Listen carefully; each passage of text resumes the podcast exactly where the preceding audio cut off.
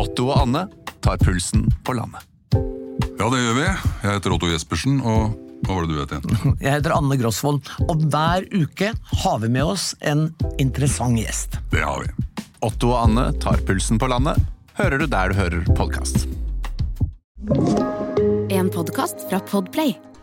Da jeg kom hit i dag, så var det første du sa, Alex, at uh, i dag har jeg sånn overskudd. Er det, er det noe begripelig årsak til dette? Ja, det er faktisk det, for at jeg har begynt å spise D-vitaminer. Det, og Å ja, det det er druer og Nei, nei. Det er konsentrert D-vitamin i Dadler. pilleform. Og jeg har fått det på resept. Og det er fordi at jeg hadde jo så imma mye problemer med ryggen. Ja. Og og da har jeg liksom vært litt sånn ute av vater, da, for å si det sånn. Og jeg er jo en sånn liten lykkeklump. ja, du liker deg best i vater. Ja, Og så liker jeg at alle kroppsdelene er like koordinerte, og at jeg liksom er på nett med meg selv. Og det har det absolutt ikke vært. Jeg husker For to ganger siden vi var her i studio, Ja. så hadde jeg jo feberrier og ristninger i kroppen. Ja. Og ukontrollerte muskelbevegelser. Ja. Og Derfor så tenkte jeg at hva er det som skjer? Så jeg var litt sånn depressiv. Du har vært hos fastlegen din det er det du skal fram til? Nei, jeg har aldri vært hos fastlegen min. Men jeg har sett bildene jeg har tatt på røntgen. Har jeg Ja, sett han ja. Men jeg veit ikke hvem han er! Fordi at jeg går jo til Volvat. Ja. Oh, ja. Av, gammel, eh, av gammel vane. Men jeg må dra til henne og hilse på henne, så jeg har aldri møtt han fastlegen. Men i hvert fall, Ja. poenget mitt da er hvorfor jeg var så lykkelig og glad nå, eller hvorfor jeg hadde overskudd. Ja. Det er for at nå har de D-vitaminene begynt å virke. okay, så det var en, det var en kjemisk årsak, ja. Det var egentlig, det Det er rett og slett kjemisk utrolig perfeksjonært. Men Du er sikker på at det er D-vitaminer, at det ikke bare er et eller annet som begynner på D? Jo, det kan godt være. Altså, jeg, I hvert fall virker det. Og det- Og kan være placeboeffekt. At jeg rett og slett bare har fått noe som gjør at jeg føler meg veldig bra. Og Ja. bare, at For min kropp er jo sånn at når jeg er glad, så, så virker kroppen bra. Ja, for jeg så på det pillebrettet nemlig, og det var ikke noe jeg fant i legemiddelkatalogen i hvert fall. Alex Rosén reiser til Mars.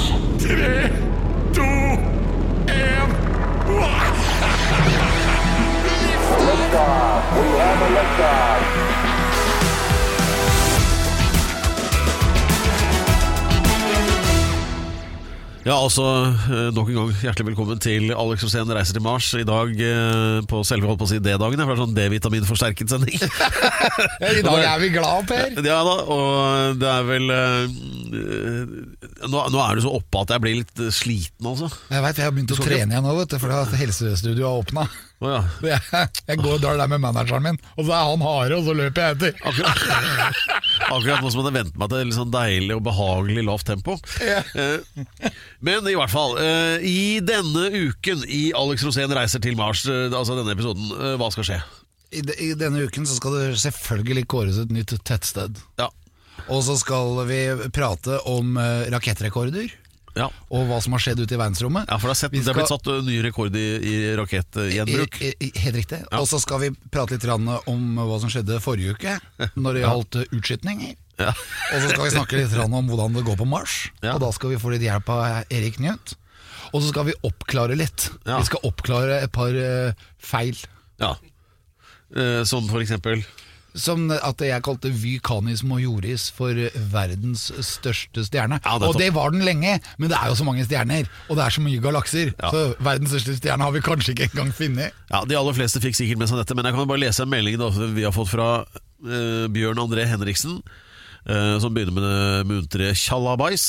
Eh, jeg hørte Alex eh, snakket om at han ville døpe sitt neste barn. Det, syns jeg var det mest interessante, egentlig. Da. Men ok, Han vil kalle sitt neste barn Vy Canis Majoris, som var den største stjernen. Neste barn det blir vel altså ni måneder etter den gigen du hadde på Hønefoss. Det blir, ja, det tar vi senere. Men altså, Vy Canis Majoris det var den største stjerna i Melkeveien. Men da tror jeg Alex har sovet i timen, for hvis han skal døpe barnet sitt til den hittil største stjernen som er funnet, så blir navnet Det vil da bli Stevenson. ja, Stevenson 2-18.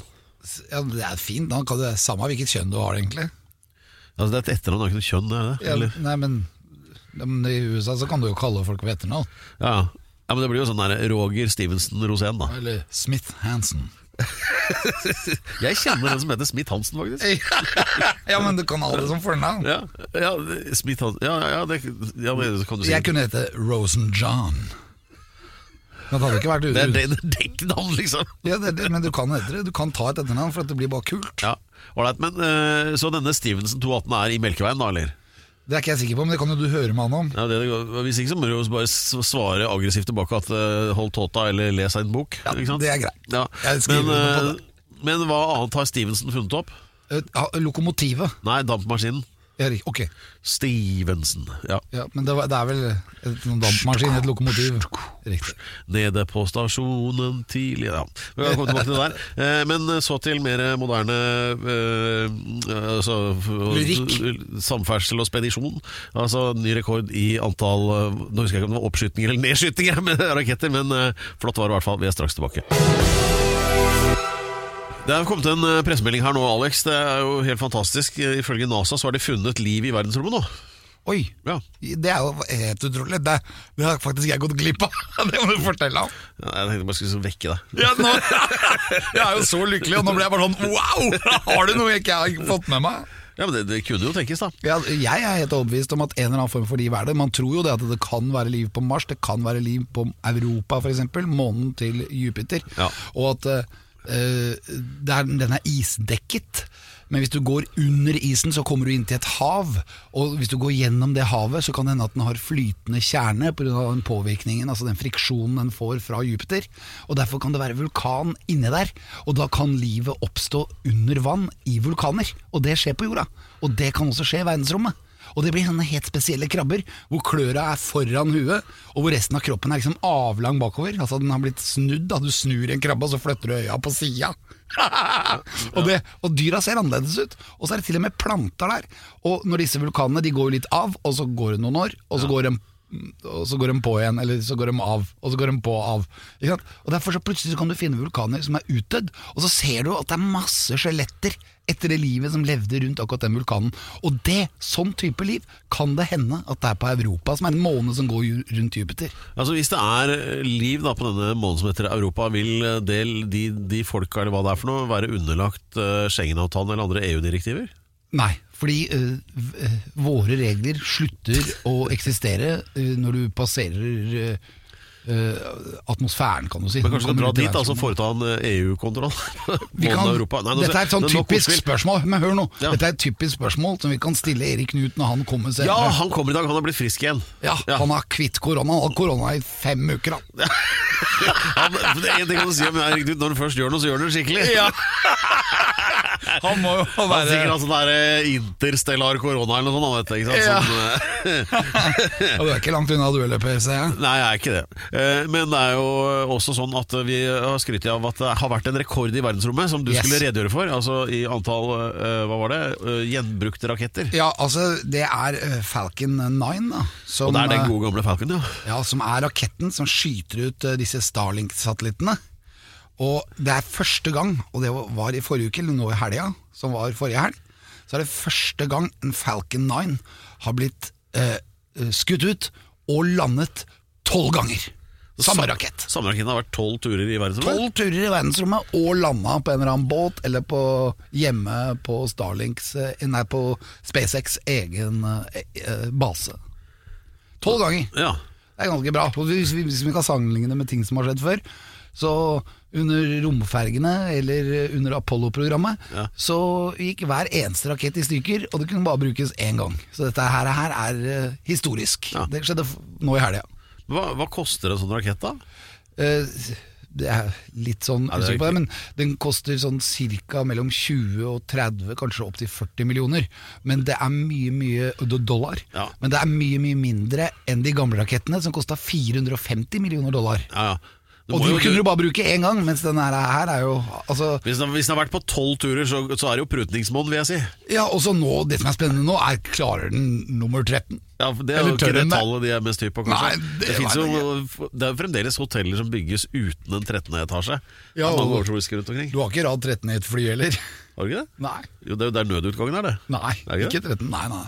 Det har jeg aldri tenkt over. Jo, jeg mener jeg har sittet Finn et fly med rad 13. Jeg har i hvert fall følt at jeg har sittet på rad 13. Ja, det veit jeg. For en gang så husker du når de begynte å brenne inn denne motoren i det flyet når vi fløy ut, og flyet snudde over Arizona og kjøpte tilbake til Los Angeles. Og du og jeg var litt sånn litt slitne, for jeg hadde vært på byen i fem dager.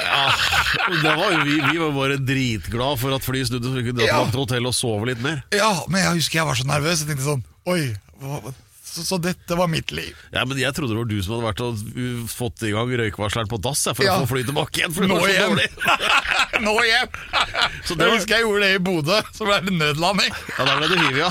Ja. Ja. Det var, ble nekta på SAS i flere år. Ja, ja, nei, men da, det, da kan jeg bare så, det- Flyene kan brukes igjen, og nå kan også rakettene det. da, har vi også da. Men nå skal vi snart uh, snakke om uh, Uh, hvor, uh, hvordan russiske astronauter forholder seg i Ukraina-konflikten. Det blir spennende. Ja, nå skal det handle om uh, våre venner i Russland og Ukraina. Uh, og det er jo eh, sånn da at uh, det har nettopp blitt sendt opp en ny gjeng med russiske astronauter til Kosmonauter heter det der. Uh, ja vel, til romstasjonen, altså ISS. Altså, litt uheldig valg der òg, av navn. Men i hvert fall så er de der. Og dette er da den første runden med kosmonauter som er sendt opp etter at Putin invaderte Ukraina. da og Så var det pressekonferanse her om dagen, og da stiller altså da disse astronautene i gult og blått, som er Ukrainas farver. Da tenker jo alle at eh, de skal vise at de er på Ukraina sitt lag. Hva tror du om det, Alex? Jeg tror at eh, det kan godt tenkes. Ja. Jeg er- veldig imponert hvis de har klart å tenke sjæl. Ja, og hvis hvis de klarer å være litt sånn at det er litt mening bak det. Ja, det er, Men det er jo risikabelt å gå imot Putin, da. Det har ikke helt, gått så bra med andre som har gjort det. Det er helt klart. Det Ja. er jo det er ingen som det har gått bra med. Når de blir dømt igjen, han der Navalny jo. Hvem? Så det er jo bare krise. Men disse gutta her, de er jo helter i Russland. Helt siden han første ø, kameraten var ute i verdensrommet, så har disse gutta her vært helter. Ja, Gagarin, Gagarin, ja. Gagarin han var jo så helt at han, Brezjnev, eller hvem som var sjef da, var jo redd for at han kunne bli den nye sjefen i Russland, for han ble så stor helt. Så da ble Ja. han jo stua bort et eller annet sted. Ja, vet, vet, vet du hva kona hans het, da? Nei. Lady Gagarin, tipper jeg. Ja. Ga, ga, Gagarina! Gagarina! Ja, det blir det vel. Men, eh, men eh, altså, plutselig så blir det sånn eh, Hei sann, eh, nå var vi så uheldig at eh, det gikk en rakett opp på skøytene hele romstasjonen. Tror du Putin er så gæren at han liksom straffer dem? Ja, jeg tror han er gæren. Ja, det, det tror egentlig ja, De fleste begynner å tro det etter hvert. Men eh, eh, så sier de da at eh, grunnen Nei, da, det hadde ikke noe med Ukraina å gjøre at vi hadde på oss disse tingene. Det var bare at det var så mye gult tøy på romstasjonen at vi måtte bruke det til noe. Ja, men jeg syns det funka, jeg, uansett. Men de må jo si det for, at for ikke havne i Gulag. Ja, gu- nettopp. Eller så kunne de jo sagt at eh, det er jo i eh, sympati med Sverige pga. det dårlige resultatet i worldcupen i alpint. For altså, det er jo gult og blått, liksom. Ja, Sverige ja, det, jeg, jeg velger å tro at det er Ukraina, at de rett og slett har støtte der. Vet du hvor mange, mange som er ute i verdensrommet nå? Uh, skal vi se, det er de på det bildet der også. Nei, jeg tipper jeg skal, jeg skal tippe. Uh, ute i verdensrommet nå, akkurat nå er det 50. Nei, nei. Jeg tror det er overfylt, den her IC-stasjonen. Den er altså på åtte kvadratmeter. Ja, men der er bare på det bildet jeg ser nå, så er det ja, 1, 2, 3, 4, 5, 6, 7, 8, 9, 10 Og alle er litt sånn digre russere, så ja. Ja, men de er nok eh, De er nok eh, helt sikkert han som fyrer av raketten. ja men altså, du ser at alle har liksom bakgrunn fra ishockey og gateslagsmål, så Her. Det er ti stykker. svaret er ti. Det er de ti der, da. 1, 2, 3, 4, 5, 6, 7, 8, 9, 10. Hvem er det som tar bilde da? Nei, Da er det liv i verdensrommet, da. Ja, det er i hvert fall én, to To stykker fra Russland. Ja. Det er tre, Tre. på det bildet jeg ser på her. Tre-fire fra USA. Ja. Og tre stykker fra Kina. Ingen av de der som er fra Kina, ass. Nei, men de tror jeg er en eller annen romstasjon. Som går motsatt vei. Det må vi finne ut av når Erik Knut kommer. Han kommer snart. Where are the Chinese? Hvor er det igjen? Ja. Eh, greit, da fikk vi klarlagt eh, i hvert fall noe. Og snart så blir det det følelsesladde og grensesprengende, vil jeg si, innslaget Ukens tettsted. Hold deg fast. Ukens tettsted. Ja, og da spør vi oss hvor, hvor tett kan det bli, egentlig? Hvor tett kan det bli? For nå skal vi snakke om ukens Tettsted. Ja. Eh, Og grunnen til det hele er at eh, når du da, Alex, skal reise til eh, Mars om Så et par, par, tre, fire, fem, seks år, så gjelder det å bygge opp eh, på Mars noe som, eh, ja, noe som du vil ha. Og da må det være fine, flotte steder som vi har så mye av i Norge, f.eks. Tettstedene som du elsker så høyt. Ja, for tettstedene de er jo veldig definerte. Det er altså steder som er relativt tette, Ja. og så har de ikke rukket å bli by. Nei, og de du velger ut, det er ikke, det er ikke så stort materialbehov for å bygge det opp igjen. Det er liksom stort sett noen steder med tre hus og Ja, Noen av de er i Våtvoll f.eks., som faktisk vant for et par uker siden. Ja, ja. Og det var jo et sted som var ytterst lite tett. ja. Men eh, du har jo sånne semibyer, altså by, steder som er på nippet til å bli by. Da tenker du på Konnerud. Ja, for eksempel. Ja. Eller Mjøndalen. Nei, vi tenker ikke på Mjøndalen i det programmet her. Jeg gjør jo det, for jeg elsker jo alle tettsteder. Ja. Og jeg elsker Drammenselva også, og det er jo så mange flotte steder oppover den veien der, Ja, som også kan være tette nok til å bli kvalifisert her. Ja. Og men det jeg mener med semiby, da, for eksempel Jessheim. Jessheim er jo et sted som jeg absolutt hadde drømt om å ha på Mars, fordi der bor det mye morsomme folk. det er sånn ja-sted. Men det er litt overtett. Ja. Og det er fordi at det er på vei til å bli by, men det har ikke blitt det ennå. Så Jessheim ligger der og lurer. Ja. Absolutt et veldig morsomt sted. Ja, ja. Eh, eh, andre steder som jeg altså, I forhold til det at du har så lyst til å ha med Konnerud, så dessverre nådde ikke de opp denne gangen heller. Helvete. Men de hadde i hvert fall en, et sted ved siden av seg som jeg syns er sånn og Da må vi ned på Eikeren, ikke sant? Og Eidsfoss. Og du er snakker om ting du ikke har greie på, altså. ja, men Eidsfoss er jo nydelig. Jeg har vært på noen fullstendig feilslåtte nachspiel i den retningen der, og det, bare det, ett av dem hadde vært nok til at du skjønner at det er ikke noe å ha med seg noe sted. Har du vasa rundt i den eneste gata som er på Eidsfoss? ja. Er ikke den fet, den gata? Nei. Jo, den er jo det. Det ser jo ut som et cowboysted fra Arizona i Amerika. Ja, de, ja, det er vel egentlig det de tror, de som bor der også, at det er det det er. Det er sånn de gutta der kjører ut i sånn pickup med sånne gun racks bak huet og sånn. Ja, jeg elsker det. Ja. Og så har du Hvittingfoss rett bak. Men det er greit, vi skal ikke dit. Vi skal nemlig oppover. Oppover denne fantastiske dalen hvis du kjører mot Gol. Hallingdalen. Helt riktig. Ja. Med, med Hallingporten. Ja. I Hallingdalen så har de noen fantastiske tettsteder, og de har ikke noen sånne ordentlige grunnlag av noen ordentlige byer. Men ukens tettsted ligger der, og der har de fantastiske restauranter. Det er et eget sånt lite miljø der. De har, de har outlet, og det er jo dødsfett. Det er sånn som de også har nede hvis du kjører mot Moss. Kommer billige dresser? Ja, hvor du kan kjøpe slalåmbriller og dresser. Jeg elsker det. Ukens tettsted er, og jeg har fått det på nettet, jeg har blitt minnet på det flere ganger nå av mange, masse fans, Ja. og ukens tettsted er Noresund. Noresund for svarte! Hei! Noresund! Blomstene går til dere. Noresund, om vi kunne gjenskapt det ved siden av Lampeland oppå Mars. Ja, men du kan ikke snakke om Noresund uten å nevne Krøderen. Nei, Krøderen. Selvfølgelig. Ja. Krøderen kommune og hele den sulamitten. Ja, og du vet, eh, det, eh, det er jo Det heter jo De som ikke har vært der, de sier Krødsherad. Jeg vet. Men måten å si det på, det er i én stavelse. Krøsjra!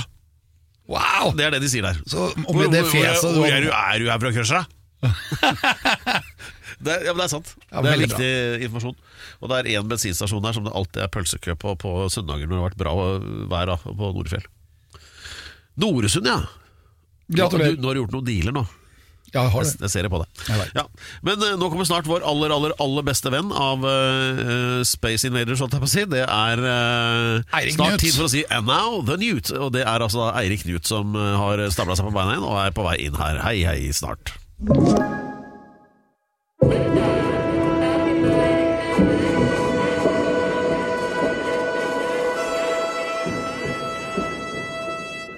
Og endelig er han eh, tilbake. Eh, vår eh, favoritt space expert and explorer. Det er altså Eirik Newt, som har reist seg som en eh, prustende stridshingst i asken av uh, eh, kor-. Hvordan, går, hvordan er formen? Ja, prustende er jo det operative ordet her. Du hadde fått en sånn ekstra hissig koronavariant, skjønte jeg. Ja, altså, ikke selve sykdomsforløpet, men ettervirkningene har vært ganske heftige. Altså. Så det oh, ja. kan jeg si, ja, ja. Så, eh, I familien min så har det vært uh, mye sånn etterhoste, tungpustethet, fatigue. Det går, og jeg tester negativt, og sånn, så og det er ikke så alvorlig at jeg driver og flyr til legen for det, for at jeg merker jo at det går fremover. Men det er langsomme fremskritt, altså. Luktesansen og sånn, da. Ja, det, vet du hva, det mista jeg ikke, så det, så det var helt Så alt Nei, så, så, så det var men, men altså, jeg testa jo ildrødt på, på Mens jeg da lå med influensasymptomer og sånn, så det var ingen tvil om det. Uh, og jeg, vet- jeg veit hvor smitten kom fra også, uten at jeg skal si noe. Det er sånn Typhoid Mary, det skal vi ikke, vi skal ikke oute det. Nei, nei, det er ufint. Skal du ta Ikke den personen? Ja, nei, jeg skal, jeg skal ikke gjøre det. nei, ja, men uansett, så det, det, det går. Så nå er jeg klar. Og, Ja. melle- og, og mens jeg har hatt korona, så har verden blitt satt i brann for sikkerhets skyld. Så det er jo Det har Ja. den, men og, og, hvordan påvirker det altså Ukraina-konflikten, hvordan påvirker det verdensrommet? veldig mye, faktisk. Altså, vi hadde jo nettopp en svær oppsummering i vår podkast Romkapsel, som du har vært med i. Så det, de av dere som ennå ikke har fått det med dere, der, der er det siste, siste episode har en Der sitter Nils Johan og jeg prater i en time og et kvarter, for vi fikk så mye spørsmål fra lytterne. For de var veldig bekymra, da. Det er sånn som romstasjonen, for eksempel. Ikke sant? Eh, Der har folk vært veldig bekymra fordi at eh, altså, Russlands NASA Roskosmos ledes av en fyr som heter Dmitrij Rogozin. Og han er Putin-mann through and through. Er skikk, altså, han er oligark og, og korrupt og har lefla med høyreekstremister og gammelkommunister. Han er en skikkelig eh, Ja, jeg skal ikke si det på lufta her, for det er et familievennlig program. Men du blir forbanna. Ja, jeg blir det, og mange blir det. Og han har jo han har hatt ganske ekstreme uttalelser på Twitter. Han har vært mye på Twitter i det siste og sagt sånn Ja, vi kan bare koble fra den russiske delen av romstasjonen. Og, vi, og han hadde en sånn mafia-tweet hvor han sa hadde vært veldig trist om romstasjonen hadde falt ned på Europa, dere. Fordi at russerne Altså, vi bruker russiske raketter til å heve banen til romstasjonen så ikke den skal falle ned. Men det viser seg at alt det har vært bullshit. For at uten romstasjonen så har jo ikke Russland noe bemannet romprogram. Det er, altså, det er den eneste grunnen til at de sender opp Soyuzer nå, er til romstasjonen. Så, så det har de latt være. Derimot har de jo sabotert um, ESA skulle ha sendt av gårde en uh, sånn rover til Mars, ExoMars. Den skulle vært sendt av gårde nå i høst på en russisk rakett. Og det har jo da, Som svar på de vestlige sanksjonene, så har da eh, Roskosmos bare sagt at det, det, det, altså det har ikke vi noe særlig lyst til å gjøre. Og nå har ESA bare sagt ok, da kansellerer vi hele greia. Det vil si at det er minst to år til den flyr opp.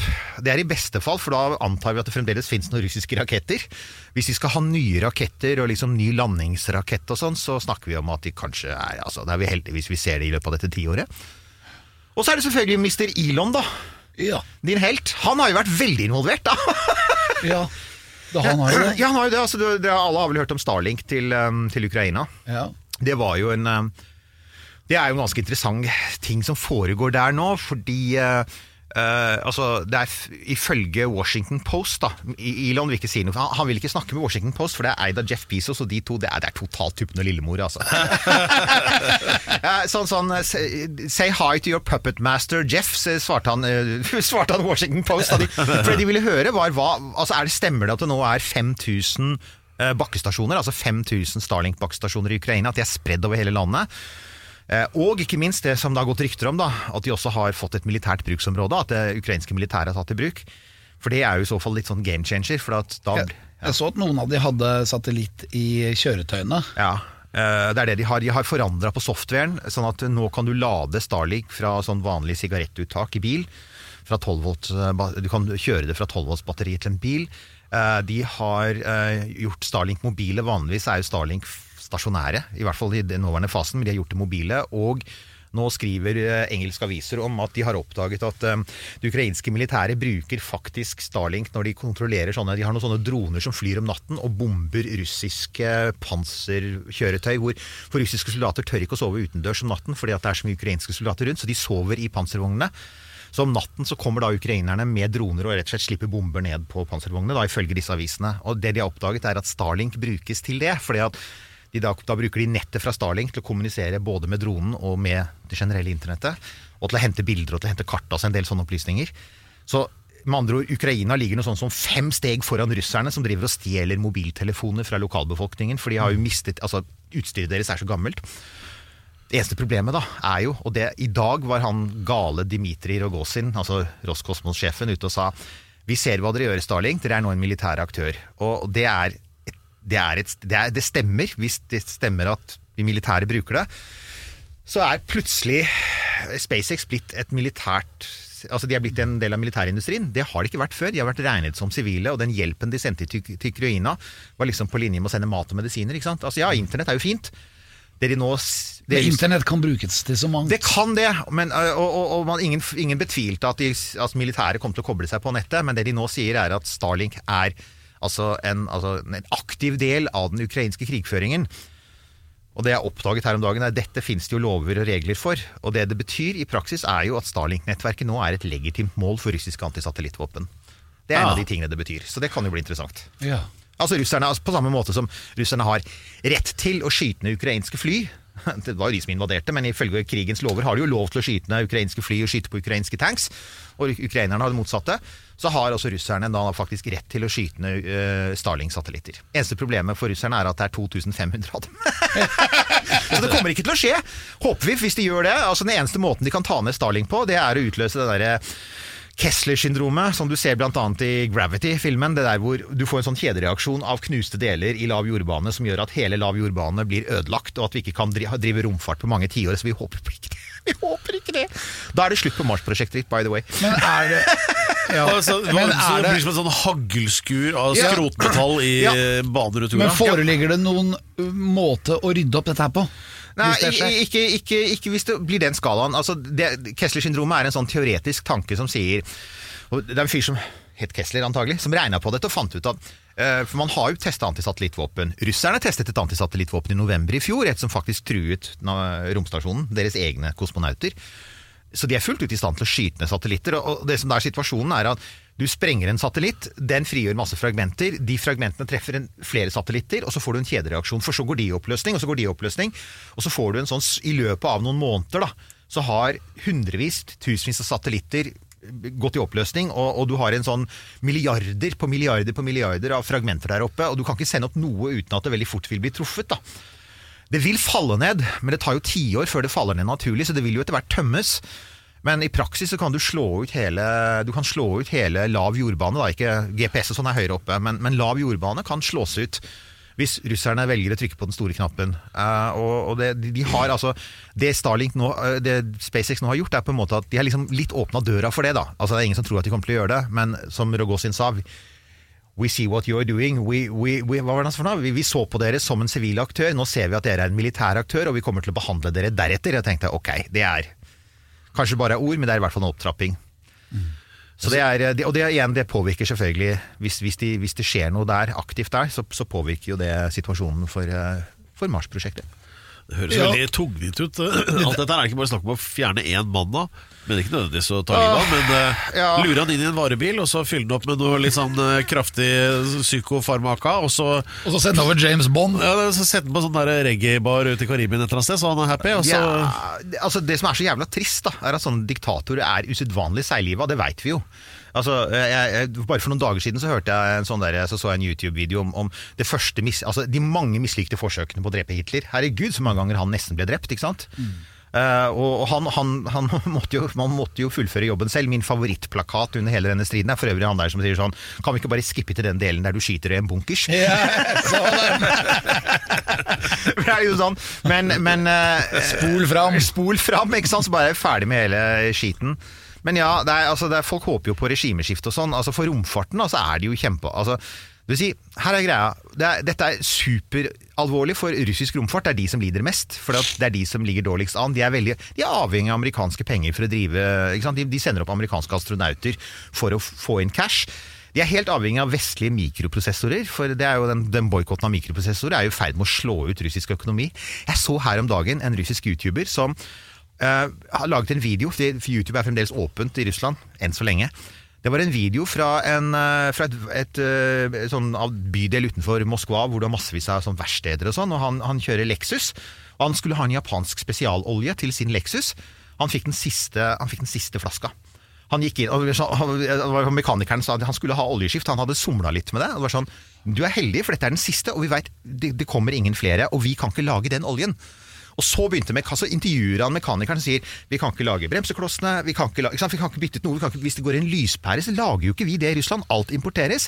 Så denne fyren står her og sier, sier hvor lang tid tar det? altså liksom halvparten, altså Alle de bilene i Russland som ikke er produsert i Russland. da, altså man Ikke er Lada. ja, altså Alle de bilene som faktisk er verdt noe, vil jo etter hvert så igjen slutte å fungere.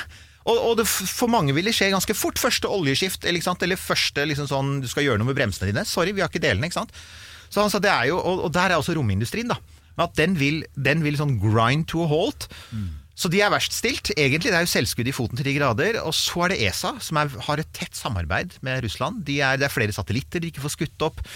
Uh, de har jo denne Mars-roveren, de har mye annet samarbeid med, med russerne som, som ser ut til å bli stengt av. Og så har du amerikanerne, som egentlig stort sett klarer seg bra, for de, har, de, har, de er ganske selvforsynte, og ikke minst, de har SpaceX. Og SpaceX er, og jeg sa jo det i podkasten på mandag, så sa jeg for det er en del firmaer som nå har mistet kontraktene sine på å skyte opp satellitter, fordi at russerne rett og slett bare har konfiskert satellittene og beholdt penga. Så det er jo helt sånn. Det er jo ingen som noensinne kommer til å skyte opp noe på en russisk rakett etter dette. Altså, altså Hvis du konfiskerer 30 satellitter og sier ja, forresten, vi tar alle pengene dere har betalt. Det var sånn, what? Ja, ok, de folka vil vi gjøre business med igjen. Så det, dette var jo da Dette er noen folk som heter One, OneWeb. Er De skal lage en sånn megakonstellasjon som er en konkurrent til Starlink. Og det vi spekulerte litt på er, kommer de da Altså, hvor skal de gå, da? Hvem er det som har ledig kapasitet? Jo, det er jo han gærningen som har bygd opp en flåte på tolv gjenbrukbare raketter, det som driver og går opp og ned hele tiden. Det var jo planen hans hele tiden. Og hele rombransjen satt jo og sa du trenger ikke det, for alle satellittoppskytinger er jo planlagt årevis i forveien. Så hvorfor trenger du en sånn ledig fraktkapasitet?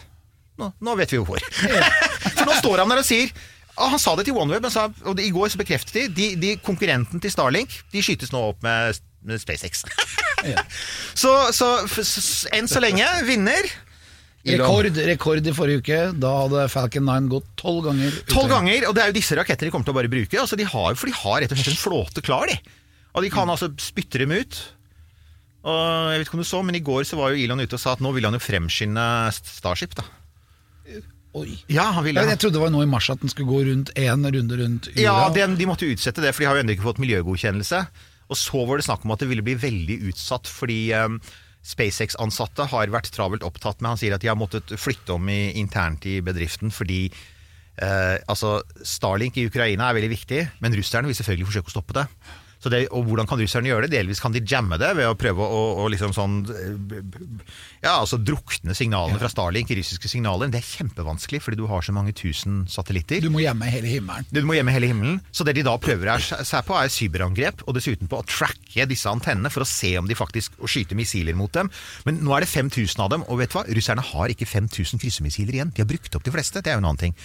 De, de, de, for å si det sånn, they, they, they blew their load de, cirka de første uka. Så bare sånn pøste de inn kryssemissiler, og nå driver de og sl slipper et og annet. Men det er bred enighet om at dette her er i stor grad har de brukt opp det de har, så det kan de ikke gjøre. Så det de har igjen er cyberangrep. Og så langt har jo ikke russerne hatt store cyberangrep mot Vesten. Og de har heller ikke klart å lykkes med store cyberangrep i Ukraina.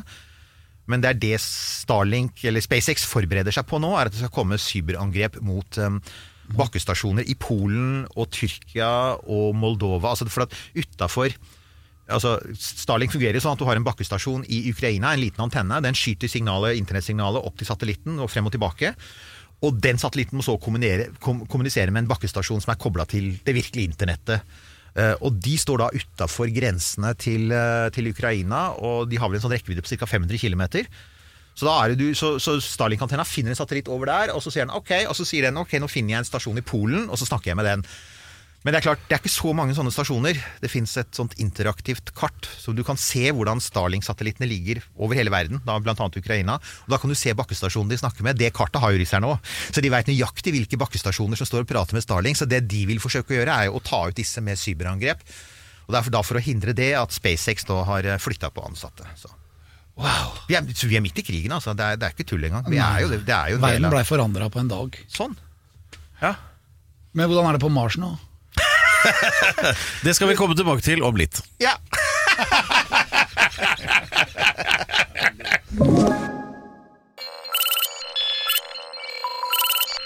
Hva skjer på Mars i dag? Ja, vi er øh, fremdeles så heldige at vi har Eirik Newt med oss her. Og spørsmålet er altså hva skjer på Mars øh, i dag? Vi, som alle andre gjør, så hadde vi en liten eller ganske stor øh, sånn runde rundt med alt dette som har med Russland og Ukraina å gjøre. Jeg vil bare sånn avslutningsvis på det anbefale alle å oppsøke nettsiden pravda.ru. Det er ganske underholdende. I dag er en av toppsakene f.eks. at de skriver da at nå sender ukraine, ukrainerne ut leger på slagmarken for å kastrere russiske soldater på stedet.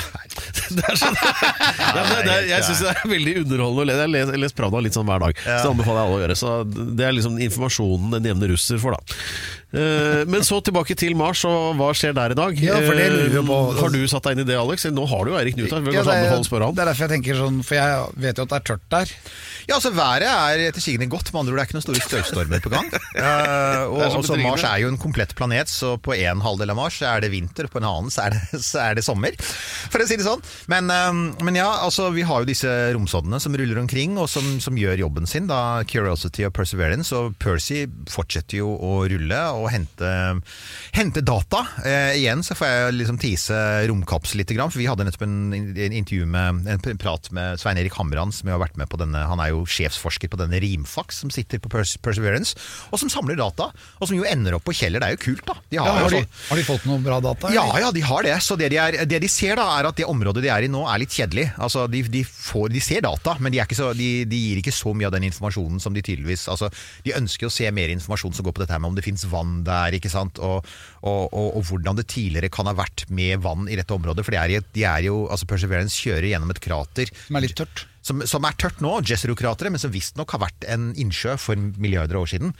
Uh, og det er jo en av de tingene som de er, er, er superspent på. da. Og så har jo kineserne en rover, Shurong, den ruller jo rundt og har visstnok funnet med spor etter vann.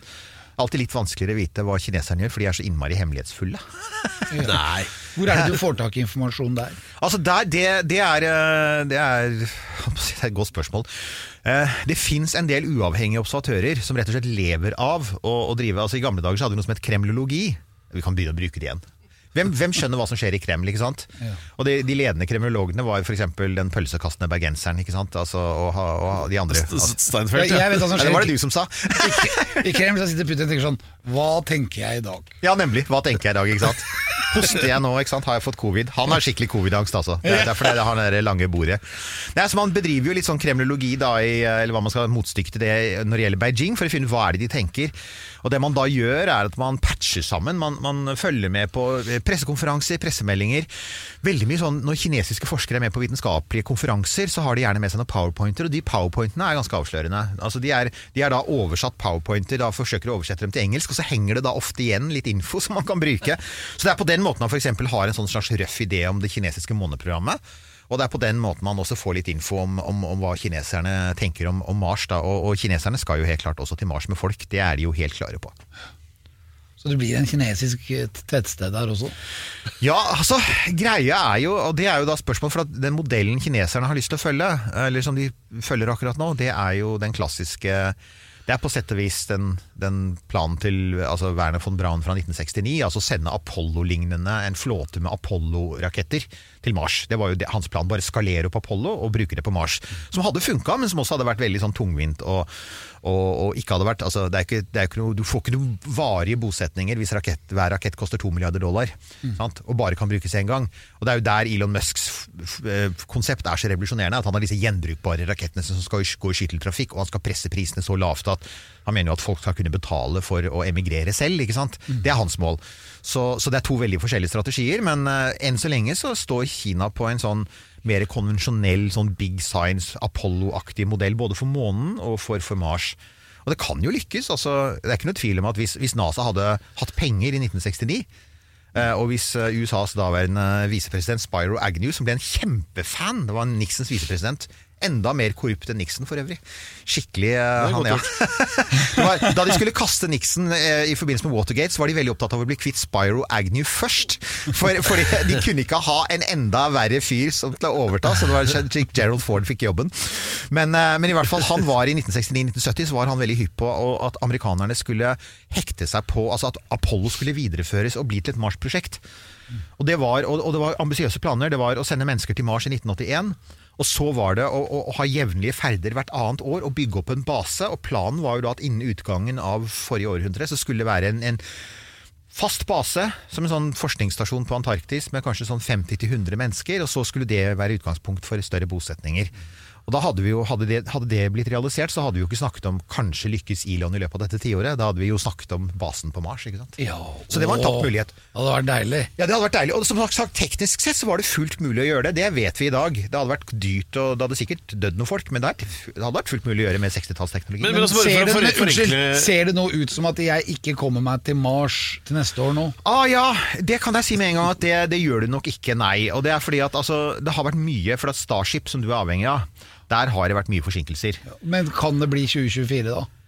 Ja, altså, ja, hva var det Elon var ute han- De driver stadig vekk og utfordrer han, sier jeg. Når er det folk på Mars, da? Så sier, han- jeg tror det siste han sa var vel faktisk Jeg tror dessverre han sa 28, altså. Oi, oi, oi. Ja. Eh, og det er, men vet du hva som er grunnen til det?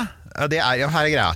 Altså, Starship um, skal eh, forhåpentligvis Han, han tvitret bare for noen dager siden om dette. Han ble spurt om det. Åssen går det med Starship? Og det har vært mye forsinkelser. Eh, du har for det første måttet bytte ut alle motorene. Versjon 1 av rakettmotoren Raptor har vist seg ikke være god nok. Det har vi faktisk sett. Vi vi, har, sett, ja, vi har sett dem svikte. Du så det når Nemlig. Du, du, du hører når de konker ut. Versjon 2 skal være mye bedre og mer effektive. Eh, de har visstnok produsert i løpet av I løpet av april måned så kommer de til å ha produsert nok til å sende opp et forsøksromskip. De driver og bygger skipet og Ja, for planen nå. var mm, nå i mars. Den planen hadde egentlig vært nå altså planen var jo, Han snakket om at det skulle gjort i august i fjor høst, men det var det jo ingen som trodde. Men, det, men, men altså, i prinsippet Men april, du tror det blir april? Uh, altså Det han sa var Han sier muligens mai, sier han. Og jeg veit hvorfor han sier mai. Det er fordi at NASA har nettopp rullet ut SLS, den svære måneraketten.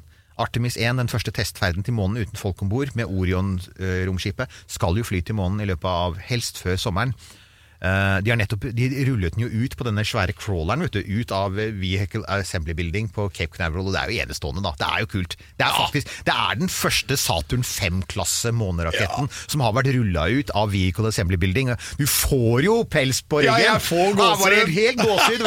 Jeg bare la det ut på Facebook-siden vår, og alle bare sånn! Det var sånn nerdgasm.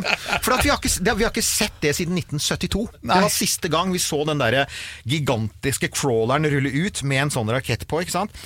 Eh, og Det var for å teste den. Nå skal de drive og teste og fylle litt brennstoff og, og, og kjøre noen prøver. Vi må de- dra dit og teste den, vi òg. ja, ja, ja, ja. Og så skal den rulles tilbake, da, og så skal den uh, gås over en siste gang, og så skal de sende den opp i uh, i uh, sannsynligvis, sier de, tidligst slutten av mai, men antagelig juni. Og blir det en liten glitt, så blir det juli. Men det er derfor Elon er ute og sier mai, fordi at symbolsk sett så vil det være en gigantisk seier for SpaceX å få Starship, som er bygd helt for private penger og mye raskere enn SLS, som er drittdyr.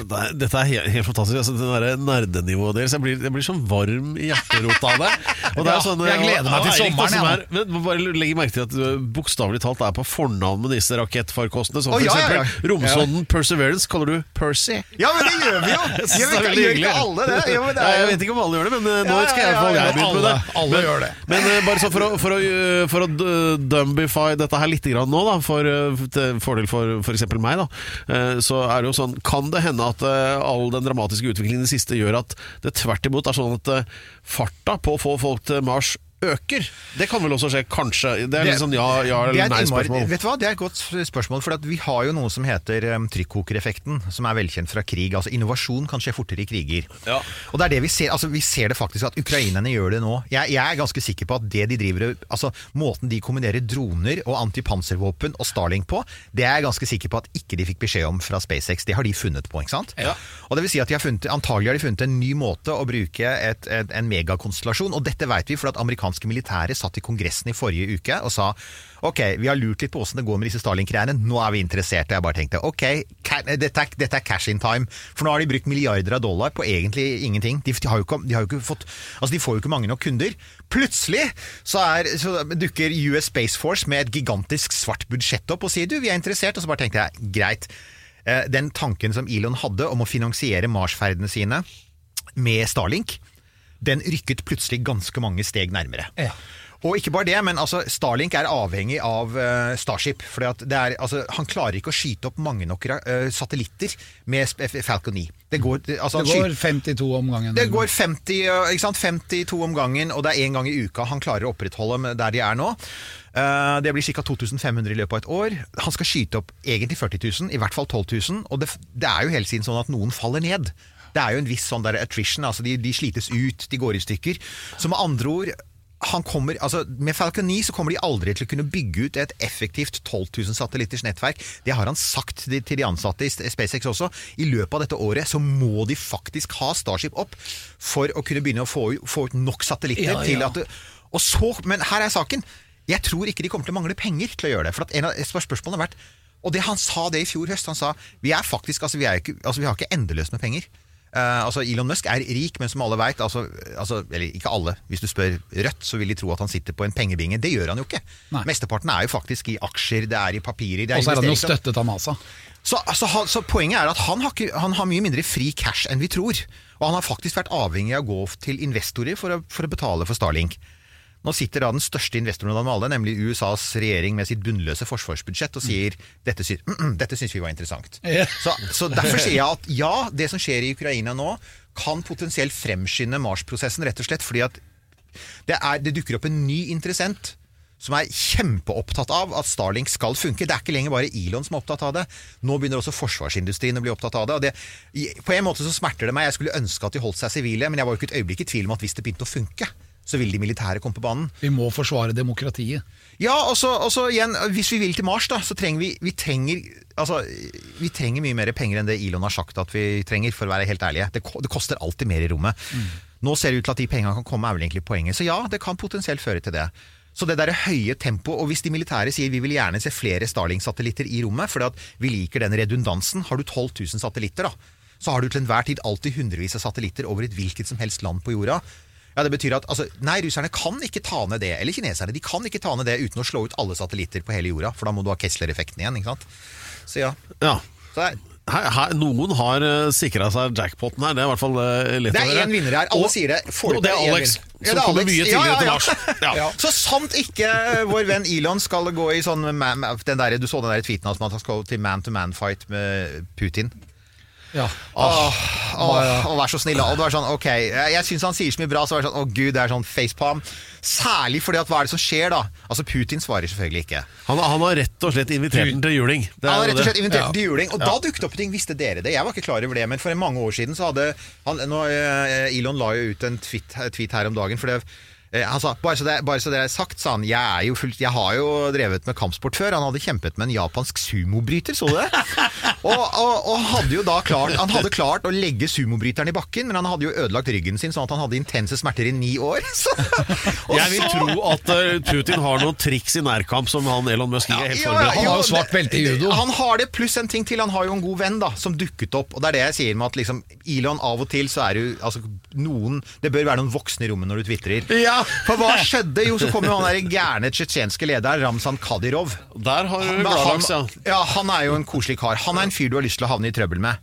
Altså, han oppe sier ja, men kom til oss i Grosny, så skal vi lære deg å slåss, vi Elona. Og så har jeg bare sånn, Nå håper jeg at Elon beefer opp sikkerhetsvaktene sine. For det, altså, Ramzan Kadyrov er altså, Vi vet hva slags mann han er, og hva slags folk han har rundt seg. da Eh, Det er, det, er liksom så, det er så koko dette her. Det er liksom den største konflikten i verdenshistorien omtrent, eller potensielt. Og så er det sånn der de tøffe gutta på vindusrekka som krangler, egentlig. Det er, er så, you- det er så barnslig. Jeg sitter og leser denne Twitter-strømmen og bare tenker You really can't make this shit up. Jeg tenkte, Det må være en spøk. Nei, nei, nei. Så dette er mannen som skal ta oss til Mars, men han distraheres av at han gjerne han skal krangle med en av de galeste terroristene på kloden. Nei, men Vær så snill, da! Ja, men det han Iran, bare we need you alive! Han trenger en medierådgiver. Han har tenkt det lenge, og han ble faktisk pålagt å ha en medierådgiver av det amerikanske børstilsynet. Ja. For han drev jo for noen år siden, husker så drev han tvitret om Da han tvitret 420 om aksjekursen på, på Tesla og sa 'Jeg har fått Saudi-Arabia til å kjøpe seg inn', og så gikk kursen i været. ikke sant? 'Å, saudierne skal kjøpe seg inn', så var det bare bullshit. Og så kommer, så kommer børstil, ja, børstilsynet inn, og så sier de FCC, eller hva det heter, Federal, FTC, Federal Trade Commission, og sier «Eh, dette har du ikke du lov til å gjøre. Nå driver du og snakker opp aksjene dine eh, i strid med amerikansk lovgivning. Og han fikk jo en klekkelig bot. og Ja. Han fikk et pålegg Ja. om at det skal være en voksen i rommet når du tvitrer! Men har han gjort det? Etter det har vi Jo, jo han hatt måtte eh, vel si fra seg en eller annen direktørstilling han måtte si fra seg en direktørstilling. Ja, det var, hadde, du ser jo hvor mye det betyr i virkeligheten. Og det var før uh, The Thai Pedo Guy-skandalen, Ja, hele, hvor han også det. måtte betale masse penger, for han hadde sland... Ja, nei, Ja, konklusjonen er ganske klar. Her er det alle sammen trenger en medierådgiver. Jeg for min del trenger en kokosbolle og en kaffe og en liten pause. Vi er snart tilbake. Ja, Da er vi offisielt ferdig med eh, Russland, Ukraina og andre steder borti der eh, for i dag. Eh, Og endelig kan jeg prate. ja, det er jo det er, Eh, bare, bare avslutter da med Jeg hørte det at sånn back in the days da det var Sovjet, så eh, hadde de to TV-kanaler i Russland. For de skulle ikke være dårligere enn andre. De skulle ikke bare ha én, nei. De skulle ha to, for det var jo pressefrihet. Mm. Og da var det for, Og på kanal 1 der var det bare propagandafilmer. Og på kanal 2 der var det en sånn KGB-offiser som sa 'Switch back to channel 1 immediately'. så vi skal vel tilbake til det systemet der, da. Uh, well, uh, så var det da altså eh, 100 grunner til at Alex bør bli eh, valgt ut som eh, i liksom tetløypa der da, til å komme til Mars. Og eh, vi begynte på 100 og teller ned, mot, og det blir viktigere og viktigere Vi har nå kommet til nummer 92. Ja, og tidligere så har du da nevnt at eh, av fremragende egenskaper er det da ditt arvemateriale, din sosiale intelligens, humør, at du er god kokk, modig, munnhyggen, mange ting. Ja, ja. Men, eh, men i hvert fall. Men eh, vi har en ny grunn i dag. ja, Og nå holdt jeg på å si aggressiv navlelo. Nei, har du det? Ja, er jeg har det. ja. Men det, er ikke, det, det hjelper ikke på Mars. Nei, det gjør ikke det. Eh, nei, det, som er, eh, det jeg har, som er ganske bra, og det er at jeg har eksepsjonelt bra langsyn. Har du det? Jeg ser veldig bra på lang avstand. Alex ser se nå ut vinduet og i retning uh, jernbanestasjonen i Oslo sentrum, som vi ser utenfor vinduet. Så kan jeg se så å si alle detaljer. Jeg ser f.eks. han fyren der. Jeg ser at han røyker Lucky Strike, faktisk.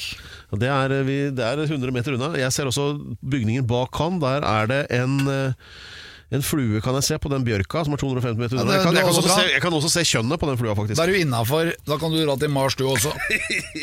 Nei, så, ja, men Du har jo gått langsomt men det er vel noe du har utviklet over å stå sånn og, i utkikken på seilbåt, kanskje? Helt riktig. Ja. Og jeg bare husker jeg var på sesjon i militæret, og da fikk jeg eksepsjonelt godt langsyn. Ja. Men det var bare at du forholdt deg ikke til det du så. Nei, det gjorde jeg ikke. Det Ok, Pedro, det var det. Ja, men det var gratulerer. grunn nummer 92. Ja. Eksepsjonelt bra Eksepsjonelt. Du vil ha med det ordet? Eksepsjonelt. Da skal Ja, jeg passe skriv på at ned. det kommer med her. Eksepsjonelt. Sånn, da er det med. Eh, vet det du var hva? det. Ja, nå er det, for å si det sånn, jeg har eh, 17-gangeren jeg nå lagra inn med info om verdensrommet. Eh, fra eh, Han var ikke så svekka av korona, syns jeg, han eh, Erik Knut. Nei, i hvert fall ikke snakketøyet. Nei, det, det kan ingen påstå. Men, Men sånn at vi tar hele kurs mot nærmeste pub, og så samler styrke til neste uke. Da er vi tilbake igjen med nye og friske innspill, er vi ikke det? Jo, det er vi. Og hvis dere vil prate med oss, så er vi på Alex Rosén reiser til Mars på Instagram. Ja.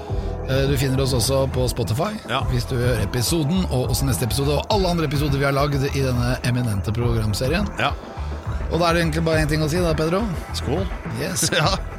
to Eller, du, eller som du pleier å si, nå, Eh, nå er det Nå er det lunsj.